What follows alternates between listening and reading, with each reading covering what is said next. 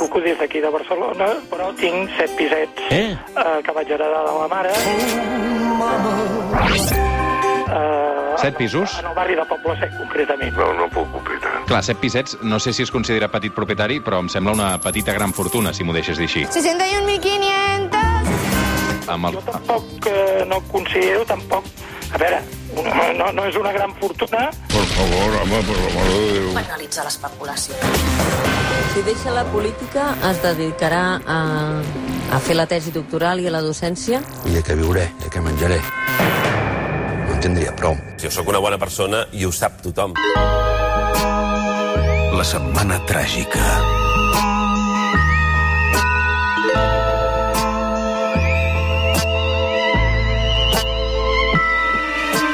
Passen dos minuts de dos quarts d'onze del matí. Som al suplement, som a Catalunya Ràdio, Londres, i tenim el Toni Rodon, que és doctor europeu en Ciències Polítiques, investigador a la London School of Economics eh, i la Universitat de Stanford a Califòrnia, professor de la UPF. Bon dia, Toni. Bon dia, bona hora. Com estàs, Toni? Bé, bé, aquí, aquí estem. Escapa, avui és un dia molt estrany. Per què? Home, perquè ahir no, no vas tenir la sensació que per fi van fer un bon partit i, i per un moment vaig tenir 5 segons d'optimisme i vaig pensar, escolta, no, tot torna al sender del pessimisme que en aquest país l'optimisme no s'ha servit mai per res. Però escolta, gran partit, eh? No vaig veure el partit perquè estava tancat en una furgoneta de la Brimo, a aquella hora. Ah, ah un gran lloc per ser. Tenia excusa, tenia excusa. Ion Sindreu, eh, periodista, columnista del Wall Street Journal. Bon dia, Ion. Bon dia. Què tal això de fer de Samantha Villar, allò? Escolta'm, uh, crec que no era aquest l'exercici, tampoc, eh? Tampoc, tampoc. L'has sentit o no? Sí, sí, sí. Fins aquí? Què passa? No, no, No, res. no, està molt bé, està Ah, molt bé, escapa. Ja saps que jo sóc fan incondicional teu. Uh, ara penjarem també, estem pendents de poder penjar algunes imatges de tot això que heu pogut sentir a la ràdio. Uh, de seguida ho penjarem també al Twitter i a les xarxes del, del suplement. Vas veure el Barça, tu, Ion? Sí que el vaig veure. Vaig perdre una mica del principi, però, però vaig veure... Sí, vaig veure la majoria del partit. I estàs tan entusiasmat com el Toni? Eh, Tan entusiasmat no, però jo, jo com que ja descomptava aquesta temporada, de fet no estic tan deprimit amb el resultat com, com certa gent. Escolteu-me, uh, vosaltres que sou gent viatjada, uh, de totes les prohibicions i les restriccions que ens han arribat aquest últim any, um, en mantindríeu alguna? No sé, per exemple, eh, la prohibició d'abraçar-se. Mm, gran pregunta. Uh, prohibir potser no, eh, però que hem de transicionar cap a un món potser amb menys petons cada cop que ens veiem, això sí, això ja estic Sí. molt, molt a favor. Anava a dir, més que abraçades, petons, no? Petons. Eh, Els petons són el problema per mi, perquè eh, aquí al, al Regne Unit es fan abraçades i a mi no m'està malament. Eh, El problema per mi són el, els petons que, que hi ha a casa nostra, que a més a més hi ha un serviatge de gènere eh, preocupant també. Perquè, perquè fins ara només saludaves amb dos petons normalment um, d'un home a una dona i no quan Sí. el gènere era el mateix, vols dir? Exacte, sí, sí. Uh, recordeu quin va ser l'últim viatge que vau fer per oci, eh? no per feina? Sí, uh, jo a París uh, va ser l'estiu passat quan es podia baixar, uh, vam llogar un cotxe i vam baixar de, del Regne Unit fins a Barcelona i vam passar per París i per la, per la Provença. Això va ser l'últim viatge. I tu, Ion? No, no es compta Barcelona, no? Mm, que si, és, si vas anar a fer turisme a la Rambla, sí. I et vas posar un Eh, barret no, mexicà, no, sí. O sigui, no, no es compta visitar família i no es compta feina, suposo, no? Llavors has de pensar només en turisme. Sí. Um, ostres, fa molt, eh? Fa molt. Uh, I que no, no fos dins del Regne Unit, a més, encara més complicat. Uh, juraria que potser va ser Amsterdam. Amsterdam, molt bé. Avui a la Setmana Tràgica és que ens ha sorprès molt eh, aquesta notícia Uh, I és que les reserves de britànics a les Balears s'estan disparant arran de l'anunci del pla de desescalada de Boris Johnson. Tot això mentre, paral·lelament, la Unió Europea ha debatut aquesta setmana la conveniència d'instaurar un passaport biològic amb informacions relatives a la Covid. Tot això, bàsicament, el que dona molta esperança a uns països determinats és recuperar el turisme. Per tant, avui, els viatges i el passaport a la Setmana Tràgica. Ladies and gentlemen, please make sure your seat back is in the upright position, your table is closed, and your seatbelt is fastened. We wish you a happy flight. A veure, uh, Toni, quins problemes presenta aquest debat del passaport biològic?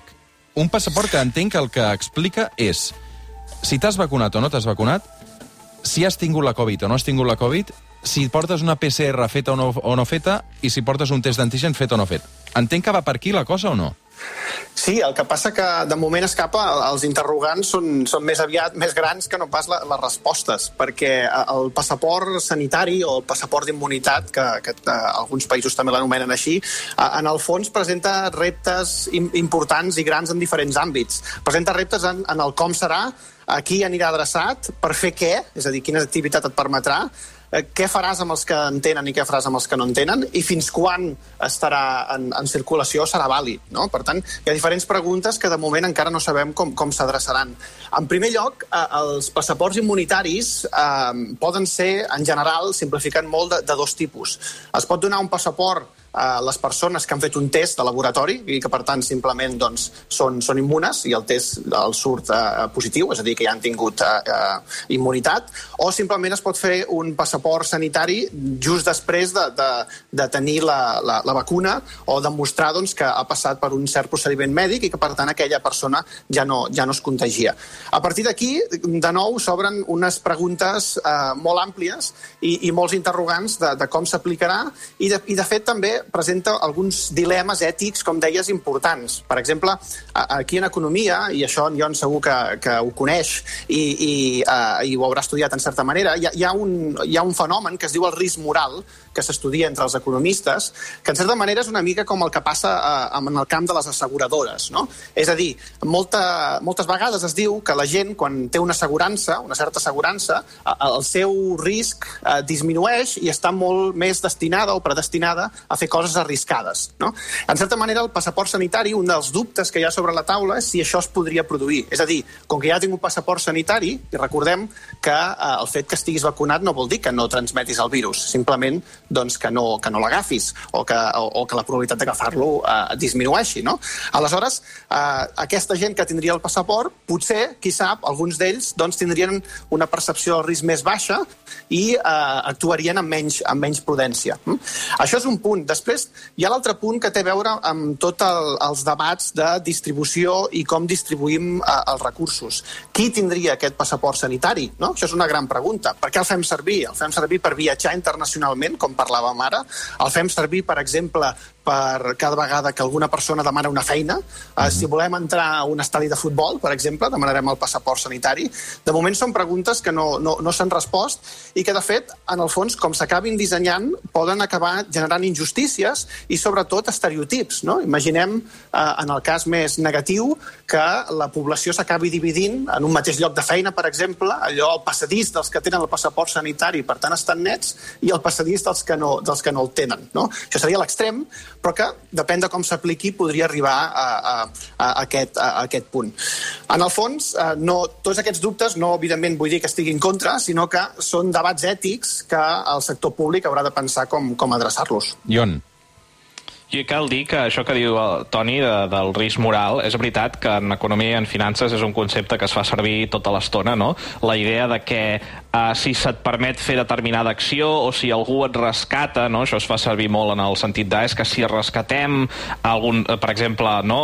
l'esquerra diria els bancs o, o la dreta diria la gent pobra, no? Uh, llavors uh, seguiran tenint uh, no, actituds que fan que, o, en el cas dels bancs, segueixin fent coses arriscades, en el cas dels pobres segueixin sent pobres, perquè es veu que són pobres perquè volen, uh, però jo, jo he de dir que, que hi ha pocs conceptes més infames que el risc moral, eh? Uh, o com a mínim aplicats de manera més infama que això del risc moral, perquè és un argument que s'esgrimeix contra tot uh, i, i al final et paralitza totalment de poder fer res. I, i tot i que és evident que, que el risc existeix, uh, a mi m'agradaria dir també que un, jo crec eh, que un dels viaixos importants que hi ha hagut durant tota aquesta pandèmia és precisament aquesta idea de que ah, mira, és que si forces a la gent o, o si fas que la gent no, eh, es posi màscares, si fas que la gent doncs, segueixi aquesta sèrie de passos, el que faran és que actuaran amb molt més risc i, per tant, eh, aquestes mesures acabaran, i, i això és un altre dels eh, grans clixés, no? eh, fent mal a la pròpia gent a qui volen ajudar.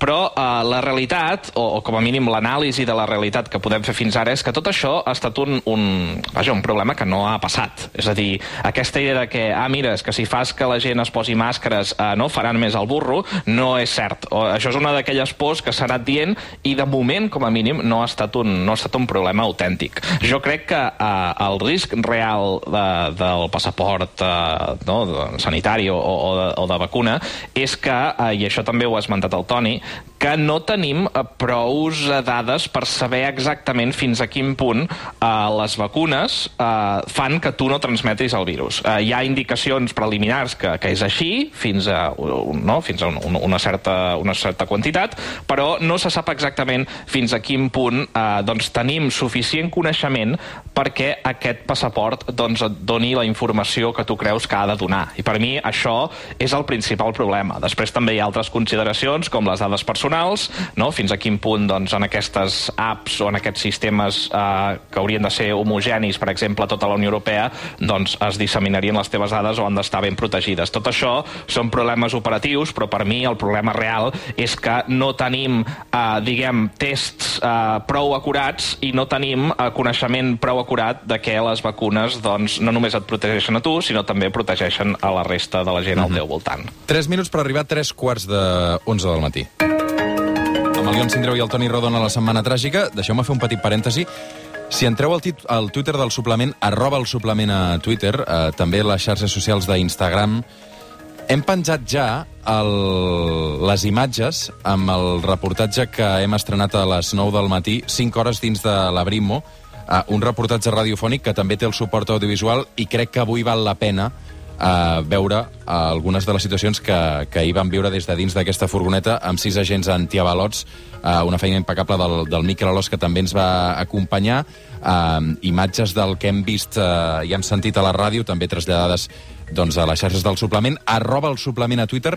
Si entreu, tindreu un vídeo de dos minuts. Estem intentant processar també tot aquest material que us hem anat ensenyant des de, des de primera hora. Al llarg del dia d'avui també eh, podreu veure diferents extractes del que ja hem sentit a la ràdio, però la ràdio també cada vegada és més audiovisual eh, i crec que avui més que mai val la pena eh, recuperant imatges, eh, això que us ensenyem al, al suplement, eh, i que crec que també veurem al, al TN, perquè TV3 ens ha demanat les imatges. Perdoneu uh, l'incís. Eh? Um, Jon, Toni, uh, veig que discrepeu una mica sobre això del, del, del passaport uh, biològic. Hi ha un debat uh, que estem fent-lo molt teòric, però al final hi ha un mapa d'Europa, segurament, en què uns països hi estan a favor i uns països no estan en contra, i estan en contra. I segurament aquests països que estan a favor del passaport biològic són els que tenen més necessitat o depenen més del turisme, com per exemple pot ser Espanya, no? Sí, us ho podeu imaginar, això, no? Sempre els mateixos de sempre. És a dir, aquí hi ha hagut una, una trobada de líders de la Unió Europea per debatre no? si s'implementarà si, a tota Europa. Perquè aquí sí que hi ha acords eh, entre països eh, per, per deixar passar gent que, que no, pugui demostrar que està vacunada o no, per exemple, amb Israel no? I, i el Regne Unit i Grècia. Eh, però eh, aquí la idea és si ho hem de fer, hem de provar-ho entre tots. I, eh, doncs, com us podeu imaginar, doncs, en una banda hi ha hagut Grècia, Espanya, eh, i a l'altra banda doncs, hi ha eh, doncs, eh, els de sempre, no? és a dir, França, Alemanya, Àustria. Um, llavors, clar, aquí eh, el tema és que, com tu bé deies, escapa, eh, la dependència del turisme és molt diferent segons els països que miris. Si tu vas hem perdut el Lion, crec, ara l'intentem recuperar. Uh, parlava d'aquest mapa, Toni. Sí, sí, sí. Uh, mentre en Joan torna, aquí hi ha, hi ha un punt interessant uh, de, de, dels països europeus, que és que una mica cada, com et pots imaginar, escapa, cada país fa la, fa la seva guerra, no? I mentre tenim el sud d'Europa o els països més dependents del turisme uh, reclamant aquest passaport sanitari, de fet també n'hi ha d'altres que també el reclamen, uh, però aquí una mica el problema és que uh, qui, les normes que s'estableixen per tal de donar aquest passaport uh, sanitari, no? És a dir, quins mínims es posen i, i quina és l'autoritat competent per, per, per fer-ho fer-ho.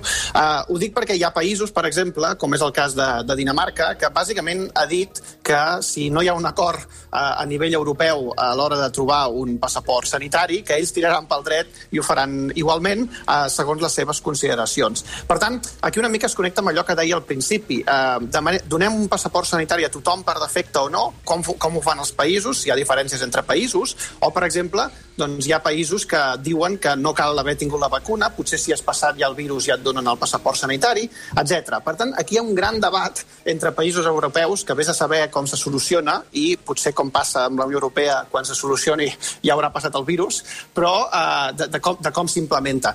I, I no només escapa a l'hora de viatjar eh, per altres països europeus, sinó que aquest passaport sanitari, o, o el passaport verd, que per exemple en diuen a Israel, també es pot fer servir a dins. No? Aquesta setmana passada hi ha hagut una mena de prova pilot a Israel d'un concert que s'ha organitzat i la gent el que feia és, a l'entrada del concert, ensenyava una app amb un codi QR eh, que l'escanejava i si aquest codi QR donava de color verd és que estaven immunitzats, que havien rebut la, la vacuna i per tant podien entrar al concert. Mm? Per tant, fixa't que aquestes desigualtats, en certa manera, de qui té dret a fer què, no només estan a nivell de, de països, entre països, sinó fins i tot dintre d'un mateix país i d'allò que et permet fer en el país on, on resideixes.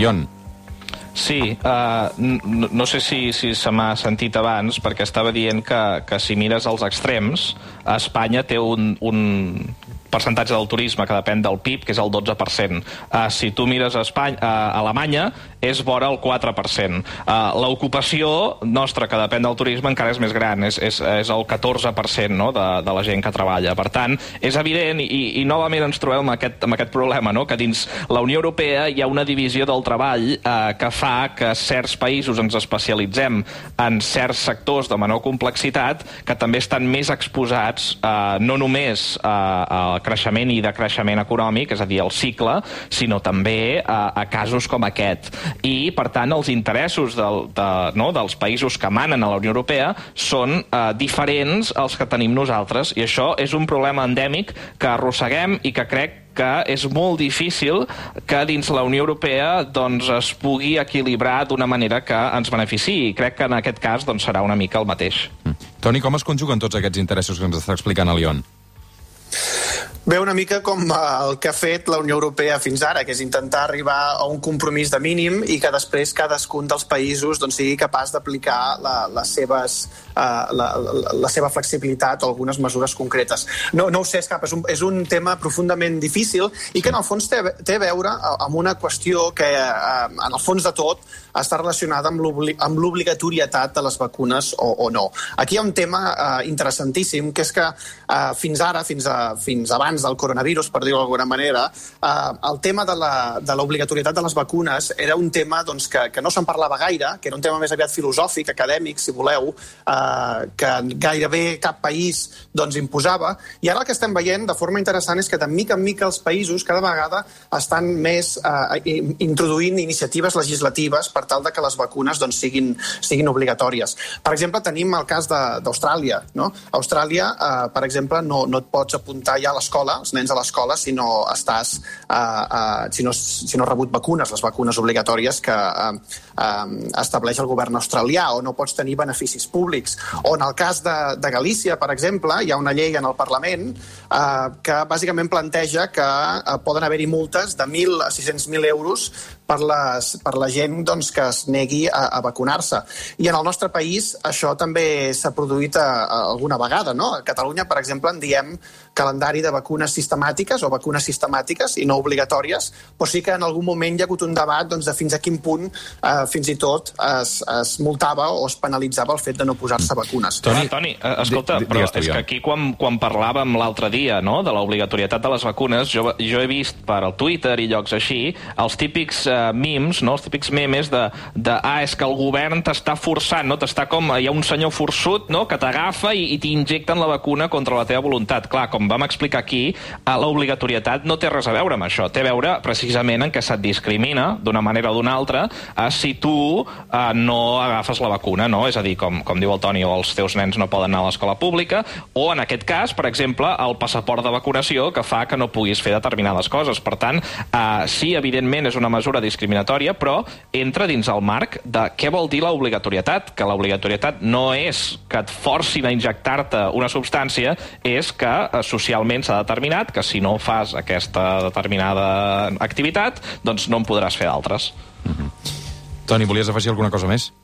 No, una mica de la línia del passaport sanitari també va en aquí, no? Fins a quin punt el fem obligatori, per aquí el fem obligatori i com el fem obligatori, no? I aquí està, en el fons, un, de, un, del gran de, un dels grans debats que hi ha en, en el si de, de, de la Unió Europea. I després hi ha un tema relacionat que també és interessant destacar, que és eh, tota la qüestió doncs, de qui té accés per primer cop a aquestes vacunacions i, per tant, el passaport sanitari que se'n deriva. I això ve una mica eh, relacionat amb com prioritzem els diferents grups que reben eh, les vacunacions. Uh -huh. si, ho fem per, si ho fem per edat, per exemple, doncs, evidentment, eh, si eh, la vacunació és un criteri, aquells doncs, han de tenir primer eh, el passaport eh, sanitari en comparació de la resta. Però, per exemple, sí. imagina't que no, només prioritzem a la gent que vol viatjar a l'estranger. Clar, la gent que vol viatjar a l'estranger eh, no, diguéssim, no és d'un estatus socioeconòmic més elevat, eh, té unes característiques diferents a la majoria de la població i, per tant, en certa manera estàs discriminant, eh, eh, estàs introduint una desigualtat amb aquest passaport sanitari. Però això, això no sí. és el cas, Toni. Un segon, ja deixa... els criteris ja els hem establert. Estem fent molta teoria, eh, m'agradaria posar-vos un cas pràctic sobre això.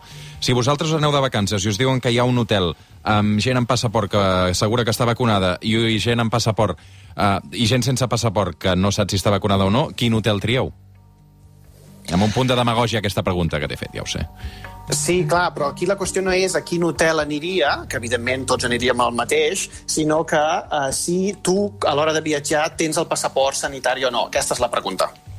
Clar, perquè si no, si jo no tingués el passaport sanitari, evidentment aniria a l'hotel que, que em deixen anar-hi, no? um, el que passa és que jo no ho faria, perquè com tu saps, jo porto aquí des de l'octubre, sí, sí, no, sí, uh, no? Uh, cada vegada embogint cada dia una mica més. Però sí, sí. Uh, si et poses en el lloc del tipus de persona que igualment viatjaria, doncs evidentment hi hauria aquesta selecció adversa en què l'hotel que accepta tothom tindria només no vacunats i l'altre estaria ple dels vacunats amb passaport sanitari. Mm -hmm. Parlant de persones vacunades, va, eh, i per tancar una mica, 10 i 52 minuts aquesta setmana tràgica amb el Toni Rodon i, i el Ion Sindreu, Rodon, tu que encara tres setmanes després de les eleccions catalanes deus continuar fent gràfics i fils eh, sobre els resultats del 14F amb anàlisis eh, demogràfics i de qualsevol cosa, és a dir, deus saber fins i tot a quina hora esmorzen els votants del PP, els de Ciutadans, els de la CUP? Uh, aleshores... Clar, però pensa, pensa, Escapa, que si tu a un politòleg li preguntes si prefereix una nit electoral o tenir relacions sexuals, la resposta et sorprendria, eh? M'estàs dient que tu prefereixes una nit electoral que... No, jo no dic res perquè tinc la companya al costat i m'està mirant malament. Molt bé, ets politòleg de dalt a baix. Uh, per tant, la meva pregunta és, segurament el soci del Barça, que són les eleccions que tenim a tocar, i això seria un estudi que estaria bé que fessis, Toni, deu ser una part important de la població que està vacunada més gran que la general, perquè per edat potser el soci que té dret a vot deu ser més gran. Sí, l'edat mitjana del soci del Barça gairebé s'acosta als 60 anys i, uh, i, i sí, per tant, doncs, com que s'han prioritzat primer aquests grups, uh, en principi hauria d'estar més vacunat que, que la resta. I hi ha molts homes, també. Eh? Això no, no té res a veure amb la distribució de les vacunes, però també m'agradaria destacar-ho, que el, una, una quarta part dels socis només són sòcies, són dones. Què estudiaràs d'aquestes eleccions? A banda del resultat, a banda, quina, quina, és a dir, Quines diferències hi ha a l'hora de fer estudis des, de, des del punt de vista de la politologia pel que fa a unes eleccions com són unes eleccions del 14F i unes eleccions del Barça? Doncs el principal problema per estudiar les eleccions del Barça escapa és que és la manca de dades. És a dir, aquí no puc fer fils, perquè en general eh, hi ha molt poques dades d'enquestes de, prèvies, eh, de, de números que puguem analitzar prèviament. Així que n'hi ha, eh? el que passa que no, com a investigadors rarament hi, hi, tinguem, hi, hi tenim accés. Però en tot cas, les eleccions del Barça eh, són molt fàcils d'analitzar. Aquí només compten doncs, qui, qui ha guanyat i, i després hi haurà uns perdedors. Aquí suposo que... El que la, passa és que hi ha una cosa, hi ha un element aquest any que és una mica diferent i és que hi ha diferents seus, no? No tots els vots surten del Camp Nou. Aleshores, no sé si es pot establir que hi ha un guanyador a Girona diferent que un guanyador de Barcelona, encara que segurament, com que el gran gruix dels votants vota a Barcelona, això no alterarà el resultat, no? Però també no, tenim però... les diferents demarcacions. No sé si veurem el resultat desgranat.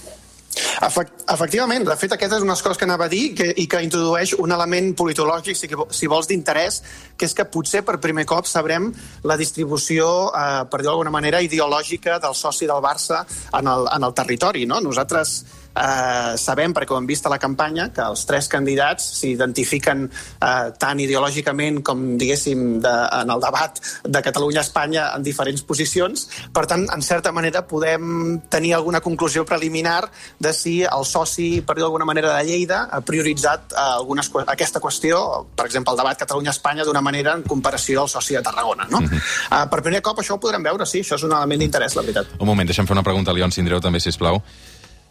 Tu, entre relacions sexuals i una bona sessió de trading, què tries?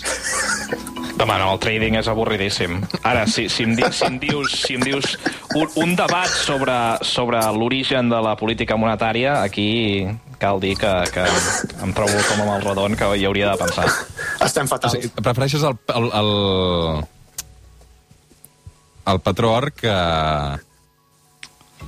Home, de- depèn, si, si és un debat en profunditat, sí. Ara, si és un debat com aquests de, que a vegades es tenen per les xarxes sobre el patró or, que tampoc tenen cap interès, doncs evidentment, evidentment triaria l'escalf eh, humà. Molt bé, doncs molt escalf per tots dos. Uh, salut, que tingueu un bon diumenge. Uh, insisteixo, eh, uh, fa una estona al suplement hem penjat ja el vídeo amb aquest reportatge també amb el suport audiovisual. Arroba el suplement i entreu, uh, i això que us hem ensenyat a primera hora, 5 uh, hores uh, dins de l'Abrimo, aquest reportatge que vam enregistrar ahir al vespre nit, uh, que hem sentit a la ràdio, però que també podeu veure amb imatges, almenys de moment tenim un vídeo de, de dos minuts, veurem què anem desgranant també al llarg de, del dia d'avui i de la setmana. Uh, recupereu-lo perquè jo crec que, que és un bon exercici i que val la pena. Toni Rodon i on tindreu? Uh, la setmana que ve també us tindré, evidentment, al suplement en clau eleccions Barça, d'acord? Fantàstic. No podem esperar. Molt bé. Uh, gràcies, salut per tots. Vagi bé. Que vagi bé. Do, 3 minuts per arribar a les 11 del matí. Ens actualitzem amb la Neus Bonet notícies eh, vinculades també a les últimes dades que s'han publicat ja de la pandèmia i després eh, saludarem el científic Juan Fuello. Ha publicat un llibre que realment està causant sensació, Vitals, i parlarem de la pandèmia també, però del canvi climàtic. Quina relació hi ha entre pandèmia i canvi climàtic? De seguida ho abordem. Fins ara. El suplement, amb Roger Escapa.